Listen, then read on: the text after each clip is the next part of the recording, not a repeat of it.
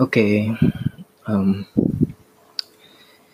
pasti kalian juga merasakan apa suhu yang sangat panas ya belakangan ini. Uh, kemarin saya pernah ngecek bahkan mencapai 38 derajat celcius uh, di Jogja ini. Uh, mungkin ada yang lebih panas tapi pas saya ngecek itu paling tinggi 38 itu di kota lain bahkan ada yang 39 mungkin ada yang sampai 40 gitu. Uh, saya saya nggak tahu. Uh, dalam kondisi suhu yang 38 sampai 40 itu udah sangat apa ya panas gitu. Sangat nggak nyaman dan sangat mengganggu aktivitas gitu. Bagaimana jika suhu di tahun-tahun ke depan ini bertambah lebih panas lagi? Apa rasanya? Pasti akan akan sangat menyiksa gitu. Uh, sadar atau nggak sadar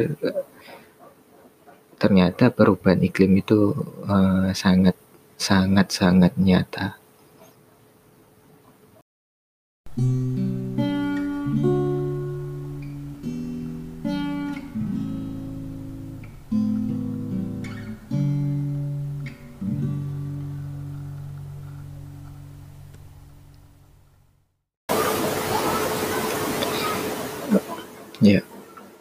di setiap bulan November itu saya uh, biasanya datang di ada sebuah festival di Jogja namanya uh, Ngayuk Jazz. Uh, dan tahun ini November kemarin itu adalah tahun ke-13 kalau nggak salah. Nah, Ngayuk Jazz ini identik dengan hujan biasanya atau apa ya ya krimis hujan gitulah karena memang udah memasuki musim hujan November harusnya gitu cuman di berapa tahun ya tiga empat tahun belakangan ini ngayuk jazz yang ditunggu-tunggu hujannya itu sambil hujan kita sambil menikmati uh, penampilan musisi jazz uh, ada hujan gitu kan uh, asik gitu ya romantis kata orang gitu. Cuman tahun ini ya tiga tahun empat tahun belakangan tuh nggak ter nggak terjadi hujan. Jadi apa yang ditunggu-tunggu orang ketika datang ke Ngayuk Jazz itu nggak nggak apa nggak didapatkan gitu. Dan apa tips-tips ketika datang ke Ngayuk Jazz harus membawa jas hujan terus uh, harus uh, memakai apa namanya alas kaki yang nyaman karena hujan, kemudian mungkin becek dan lain sebagainya. Ya jadi nggak berlaku gitu loh. Termasuk di tahun ini yang di bulan November kemarin ngayuk jazz di mana? Di Ngudean itu. Uh, lupa nama tempatnya. Tempat wisata tempat apa penghasil genteng itu. Di situ tuh sangat panas sekali apalagi dengan dengan jumlah penonton yang sangat banyak gitu ya. Uh, yang ingin saya katakan sebenarnya bukan masalah apa hujan enggaknya di Ngayuk Jazz tapi uh, ya walaupun musim hujan memang kadang juga uh, di hari ini misalnya hujan besok nggak hujan itu kan wajar gitu. Cuman yang ingin saya bilang bahwa uh, bahkan sampai sekarang ini saya rekam di bulan Desember di 31 Desember ini bahkan baru terjadi hujan di di akhir banget akhir-akhir bulan bulan Desember gitu. Teman saya kemarin yang datang liburan ke sini bilang, "Loh, Jogja kok baru sekarang padahal di kotanya di daerah Jawa Tengah yang sangat dekat dengan Jogja udah udah bahkan terjadi banjir di sana gitu. Nah, iklim-iklim yang yang berbeda di tiap daerah dan sangat sulit diprediksi. Dan sekarang nggak bisa dibilang juga bulan ini musim hujan, bulan itu musim kemarau. Sudah sangat sulit diprediksi ya itu karena efek dari uh, global warming atau pemanasan global dan apa sekarang istilahnya adalah climate krisis gitu. Krisis iklim gitu. Bukan lagi soal soal perubahan iklim tapi udah sangat krisis gitu. Dan kita juga sering melihat di media sosial yang melihatkan misalnya seperti kutub utara yang semakin tahun semakin menyusut karena pemanasan itu kemudian uh, hutan-hutan di Kalimantan, Sumatera, di Amazon, uh, di Afrika itu semakin menyusut gitu. Itu semua karena ya karena ulah manusia karena indus, industrialisasi yang yang mengeksploitasi alam secara besar-besaran gitu kan dan itu nggak bisa di apa namanya titik beratkan hanya di satu wilayah aja. Misalnya ketika di sini di Jogja ini masih hijau gitu. Tapi kenapa ikut terdampak panas ya? Karena efek dari perubahan iklim ini global. Yang rusak hutan Kalimantan atau Amazon misalnya. Tapi uh, bisa menyebabkan uh, pemanasan global di seluruh dunia, termasuk di Jogja misalnya. Uh, dan apa kayak kebakaran hutan di Australia yang yang belakangan sangat masif ini juga terjadi karena perubahan iklim karena cuaca yang sangat ekstrim nggak cuman di Jogja aja yang yang suhunya tadi mencapai 38 40 tapi juga di Eropa dan di Australia yang yang notabene adalah wilayah subtropis gitu. Yaitu semua karena uh, perubahan iklim itu tadi. Karena karena orang yang pelaku-pelaku industri ini yang mengeksploitasi alam. Ya terutama yang di bidang apa kayak industri sawit yang membuka membuka mengalihfungsikan lahan konservasi menjadi tanaman yang monokultur yang intensif yang menghilang menghilangkan keragaman. Itu juga menyebabkan uh, krisis iklim gitu. Karena nggak memikirkan dampaknya ke depan. Yang dipikirkan hanya produktivitas dan keuntungan gitu. Ya dampaknya yang seperti sekarang kita rasakan semua orang mengeluh tentang panas dan lain sebagainya gitu. Yang dulu orang kalau teriak-teriak tentang perubahan iklim itu nggak pernah didengar dan sekarang gerakan-gerakan lingkungan yang diinisiasi oleh uh, remaja anak-anak belasan tahun itu baru pada membuka mata. Itu pun banyak juga politisi yang bilang bahwa gerakan itu terlalu berlebihan seperti yang dibilang Donald Trump misalnya yang dia menyindir si Greta Thunberg. Uh, dia harus mengelola emosinya gitu Terus Donald Trump juga bilang mana pemanasan global. Buktinya Amerika malah dilanda badai yang sangat dingin. Itu kan pernyataan yang sangat menyesatkan gitu. Ya badai kan juga bencana yang yang disebabkan oleh perubahan iklim juga gitu Dan menelan banyak korban. Kenapa malah yang dibahas adalah tentang suhunya yang dingin? Kan sangat sangat aneh itu. Itu di di barat itu ya, di Amerika. Bagaimana di Indonesia?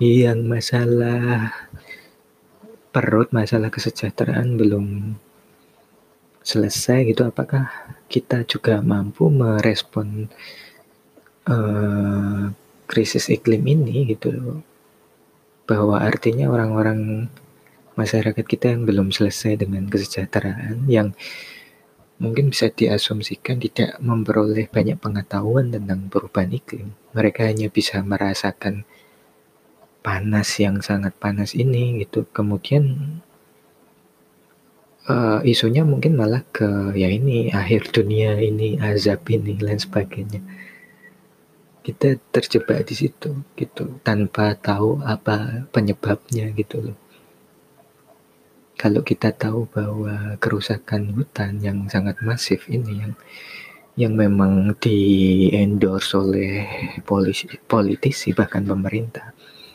yang mendapatkan keuntungan dari uh, industri sawit misalnya yang mengalih fungsikan lahan ya mungkin kita semua bakal melawan gitu.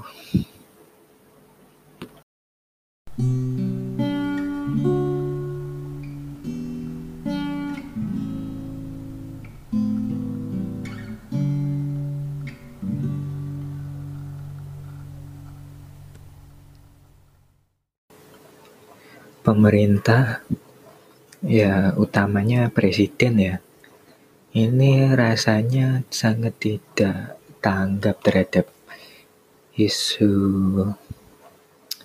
krisis iklim gitu ya. Padahal Indonesia ini memiliki peran yang sangat besar sebenarnya di dalam menjaga apa namanya uh, perubahan iklim gitu, uh, krisis iklim gitu.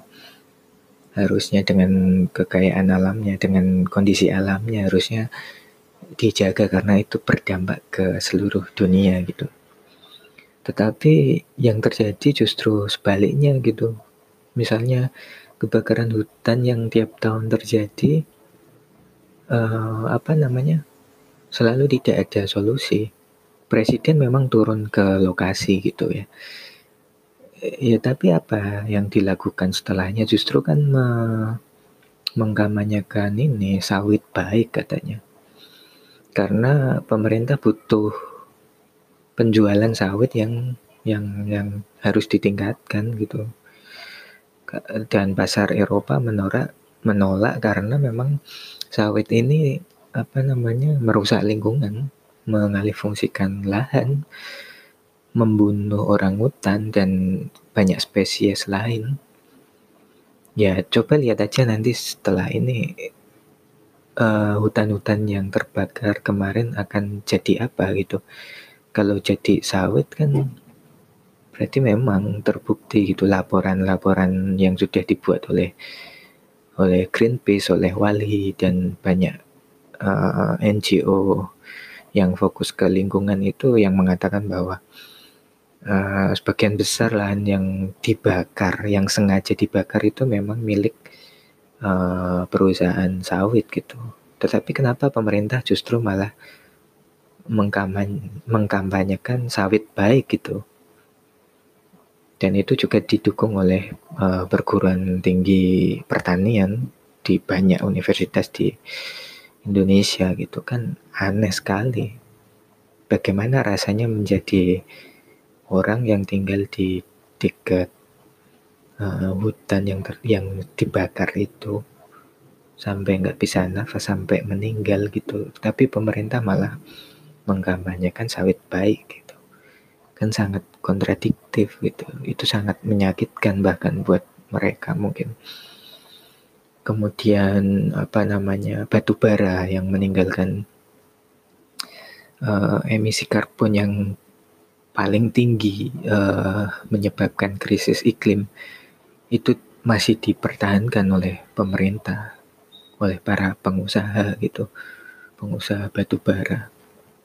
Selain memang dampaknya yang lain apa namanya yang menelan banyak korban ya yang galian tambangnya kemudian uh, yang PLTU-nya yang menyebabkan apa namanya orang-orang sakit di sekitar PLTU itu. Ya karena menurut saya pemerintah sangat nggak tanggap dengan isu lingkungan. Masih mengutamakan apa keuntungan ekonomi. Karena pemerintah nggak bisa mengelola mungkin ya ekonomi dengan baik, mungkin defisit atau apa ya langkah-langkah ini yang yang dicapai karena komoditas seperti sawit batu bara itu cukup me, apa, memberikan keuntungan yang sangat banyak gitu. Tetapi di sisi lain menimbulkan krisis iklim gitu. Di luar itu juga pembangunan-pembangunan infrastruktur selain memang menggusur apa namanya masyarakat lokal juga ya jelas menimbulkan dampak lingkungan. Kita bisa lihat banjir terjadi di mana-mana ketika musim hujan di sekitar tol misalnya atau infrastruktur lain gitu. Atau terjadi kekeringan di musim kemarau ya karena nggak memperhatikan tentang lingkungan, nggak melibatkan unsur lingkungan. Bahkan sekarang AMDAL dihapus oleh pemerintah sebagai syarat investor masuk. Itu kan aneh gitu kan. AMDAL kan berfungsi untuk tadi menjaga biar tidak terjadi bencana biar lingkungan apa namanya masih terjaga memberikan rasa aman nyaman bagi masyarakat di sekitar pembangunan misalnya. Ya AMDAL dihapus. Pemerintah artinya sudah sangat tidak peduli terhadap uh, krisis lingkungan. Ya selain itu banyak juga misalnya ketika bandara seperti yang di Kulon Progo yang sudah dikatakan di situ rawan terjadi tsunami gitu, tetap aja dibangun dan menggusur warga gitu kan dan menghilangkan apa namanya menghilangkan banyak vegetasi ya yang yang juga sebenarnya itu lahan produktif untuk penghasil pangan tapi digunakan untuk bandara yang sampai sekarang juga kita belum tahu fungsinya atau kebermanfaatannya apa gitu. Beberapa bandara yang dibangun juga saat ini entah karena pengelolaannya nggak bagus atau kenapa tidak berfungsi dengan baik, artinya tidak mendapatkan keuntungan yang banyak secara finansial gitu.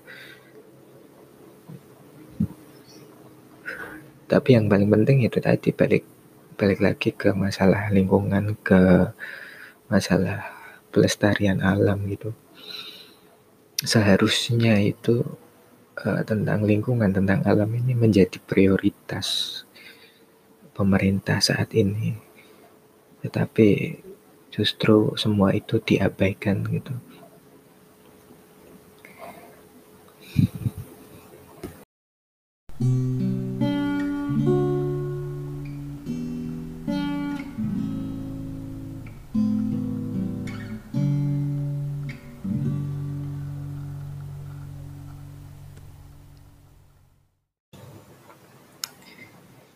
Dulu waktu masih mahasiswa saya pernah uh, ada diskusi tentang pelestarian alam di ini di Mapala gitu.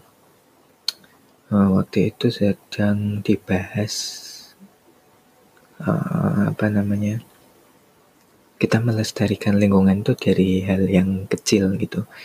Mungkin itu ungkapan yang juga sering kita dengar. Uh, dimulai dari hal kecil dari merawat sampah, kemudian menanam pohon di sekitar lingkungan kita dan lain sebagainya gitu. Tapi rasa-rasanya itu semua uh, dan saat itu waktu diskusi ya, saya bilang ya harus dimulai dari yang besar lah. Karena mereka uh, yang punya apa ya energi, yang punya kekuasaan, yang punya daya yang lebih besar itu bisa bisa berpengaruh lebih besar daripada individu-individu yang kecil gitu loh. Saya paham maksudnya spiritnya dimulai dari yang kecil itu untuk menumbuhkan kesadaran bagi semua lapisan masyarakat gitu. Tetapi eh, sekarang rasanya uh, apa namanya? Ya orang individu-individu yang kecil ini kalah dengan sesuatu yang besar, dengan korporasi yang besar, dengan pemerintah yang punya kekuatan yang besar. Iya, kalah akhirnya kita mau seberapa besar effortnya, utamanya di Indonesia ya. Eh, nyatanya kita menanam ya saya juga melakukan sampai sekarang menanam dari apa biji-biji buah yang saya makan dari rambutan, nangka, apokat, durian dan lain sebagainya itu saya tanam, saya saya tanam di sekitar rumah dan saya bagikan. Dan saya kalau saya punya kesempatan pergi ke mana ke gunung atau ke mana saya tanam di situ masih saya lakukan tapi rasanya hal-hal semacam itu kalah dengan apa perusahaan besar yang membabat hutan atau perusahaan uh, batu bara yang mengeksploitasi uh, apa namanya hutan juga atau wilayah yang sangat luas yang menghasilkan emisi karbon itu kayaknya nggak sebanding dengan usaha kita yang yang sangat kecil ini gitu loh. Jadi menurut saya iya memang penting memulai dari hal yang kecil tapi yang harus dimulai juga dari yang besar, dari korporasi yang besar gitu loh. Dari perusahaan, dari dari pemerintah yang yang sangat tidak tanggap dengan dengan krisis iklim ini gitu loh. Memang harus dimulai dari yang besar dan dimulai juga dari institusi-institusi pendidikan seperti universitas yang yang yang sampai sekarang saya pikir masih mendukung industrialisasi yang yang sangat eksploitatif terhadap alam gitu. Ya karena saya rasa perguruan tinggi juga didesain untuk untuk industrialisasi gitu loh. Saya rasa harus diubah lah uh, mulai dari sekarang gitu. Kalau di Eropa atau di Amerika misalnya ketika saya lihat saya baca berita ya utamanya di pelopori oleh Greta Thunberg ya yang yang yang ini kan gerakan kecil sebenarnya. Tapi mereka mampu didukung oleh orang tua yang kemudian orang tua si anak-anak yang melakukan aksi krisis iklim ini kemudian seperti menjadi vegan. Kemudian dia tidak memakai uh, tidak ber, pergian dengan pesawat misalnya untuk mengurangi emisi tidak memakai kendaraan pribadi yang masih memakai bensin gitu. Mereka bisa didukung tapi kalau di kita kita masih bergelut dengan isu ya tadi saya bilang kesejahteraan dan dan lain sebagainya. Dan para politisi itu memiliki peran yang sangat besar mendistraksi isu-isu tentang krisis iklim ini gitu loh. Jadi ya saya nggak tahu bukannya saya pesimis atau gimana. Ya kenyataannya memang seperti ini gitu loh. Dan jangan salah saya masih melakukan hal-hal kecil tadi meskipun saya juga kecewa kenapa hal yang besar sesuatu yang besar pemerintah perusahaan yang eksploitatif masih tidak mau mengambil langkah untuk untuk menangani krisis iklim ini untuk mengurangi hal-hal yang eksploitasi eks, eksploitatif itu saya nggak tahu itu. Ya semoga saya hanya bisa berharap semoga uh, besok di tahun 2020 dan tahun-tahun selanjutnya ada perubahan lah ke arah yang lebih baik gitu. Kalau di luar, di Eropa, di Amerika, saya sangat optimis karena mereka uh, sudah mulai berubah ya. terutama orang tua-orang tua dari anak-anak yang melakukan aksi di krisis iklim itu. Itu saja uh, dan oh ya selamat tahun baru, selamat Natal dan tahun baru. Sampai jumpa di tahun depan.